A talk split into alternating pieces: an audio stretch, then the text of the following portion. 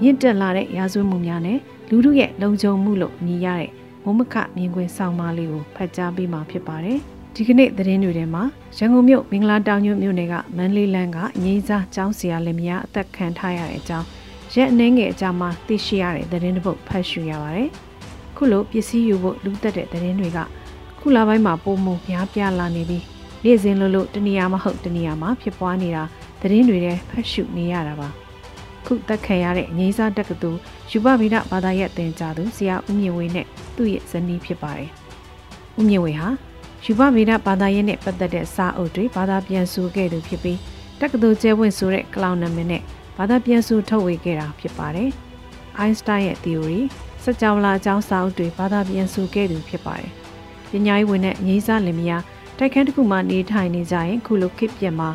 လင်မယားနှစ်ယောက်စလုံးတပ်ဖြတ်ပြီးတန်ဖိုးရှီယာယူဆောင်သွားတာလို့သတင်းတွေထဲတွေ့ရပါတယ်။စာပေလောကကဘာသာပြန်ဆရာတအုပ်ဆုံးရှုံးရတယ်လို့ဒီနေ့လူတွေရဲ့အသက်တွေမလုံခြုံတော့တာကိုထပ်ပြီးသက်သေပြလိုက်တဲ့အဖြစ်အပျက်နမူနာတစ်ခုလိုလဲဆိုရမှာဖြစ်ပါတယ်။လူရဲ့တပ်ဖြတ်သူတွေကရွှေစိုးတကုံအတွက်ငွေသိန်းနဲ့ချီတာတွေအတွက်တပ်ဖြတ်တာတွေမကချို့သောအဖြစ်အပျက်တွေမှာငွေတောင်းကနက်အတွက်လဲတပ်ဖြတ်တဲ့အဖြစ်အပျက်တွေမကြာခဏဖြစ်ပျက်လာနေတာကြားသိနေရပါပြီ။ delivery ပို့သူကိုငွေလူယူဖို့တပ်ဖြတ်လိုက်တာလမ်းမှာလှဲနဲ့ဈေးရောင်းသူကိုလည်းလက်ဝဲလက်စလိုချင်လို့တပ်ဖြတ်တာ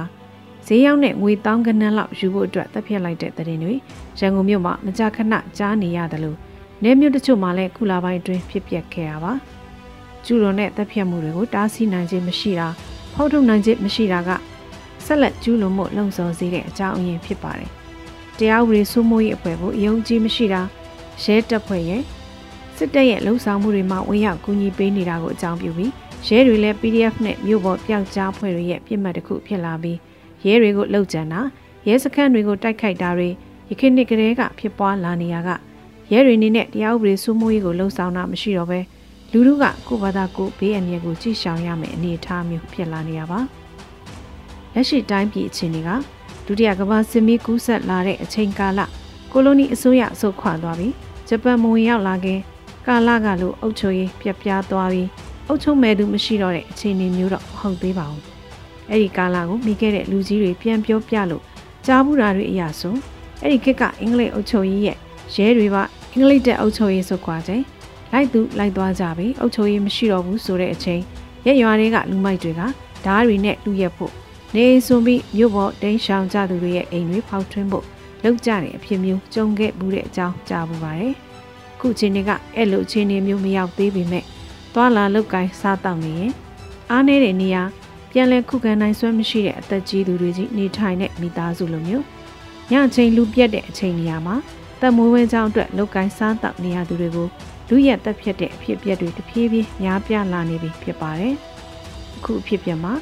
ရင်းစားလင်မယားနှစ်ဦးစလုံးကိုတက်ဖြတ်ပြီးပစ္စည်းတွေယူဆောင်သွားတာဖြစ်ပါတယ်။ချို့သောအဖြစ်အပျက်တွေကညဘက်မှာဖြစ်တာမျိုးမဟုတ်တော့ပဲ နေ့လည်နေခင်းလိုအချိန်မျိုးတောင်မှလူအနှဲငယ်ပြက်တဲ့အနေအထားမျိုးမှာကျူးလွန်ကြတာဖြစ်ပါတယ်။တရားဥပဒေမစိုးမိုးမှုလူတွေရဲ့အသက်ပိုင်ဆိုင်တဲ့ပစ္စည်းဥစ္စာကိုစောင့်ရှောက်ဖို့မစွမ်းသာတဲ့အခြေအနေက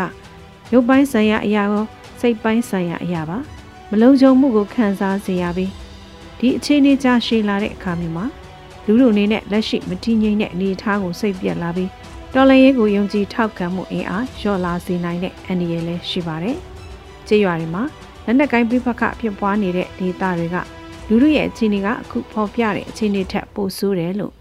ဇောရကတက်ကောင်းလဲတက်နိုင်ပါတယ်ပြပခဒေတာကပြည်သူလူထုရဲ့အခြေအနေကအဆိုးဆုံးဆိုတာလက်ခံပါတယ်နေအိမ်မီလောက်အသက်တွေဆုံးရှုံးနေကြရတဲ့ဘဝမျိုးမှာဘာနဲ့မှနှိုင်းရှင်လို့ရမယ်မထင်ပါဘူးတစ်ဖက်မှာလည်းမြို့တွေမှာရှိတဲ့ထောက်ခံသူတွေရက်သားတွေရဲ့အသက်အန္တရာယ်ကို ဘယ်လိုကာကွယ်ပေးနိုင်မလဲဆိုတာအဖြေရှာဖို့လိုအပ်နေပြီဆိုတာတော့အမှန်ပဲဖြစ်ပါတယ်။လက်ထဲမှာတနက်ကင်ထားမှလုံခြုံမဲဆိုတဲ့အခြေအနေမျိုးထိရအောင်စုပေါင်းပြီးကာဝယ်ဆောင်ရှောက်ကြတဲ့စနစ်မျိုးအသိစိမ်မျိုးပူးပေါင်းဆောင်ရွက်မှုမျိုးတခုခုနီလန်ရှာသင့်ပြီလို့နှိုးဆော်ကြမှာတော့တယ်ရှင်။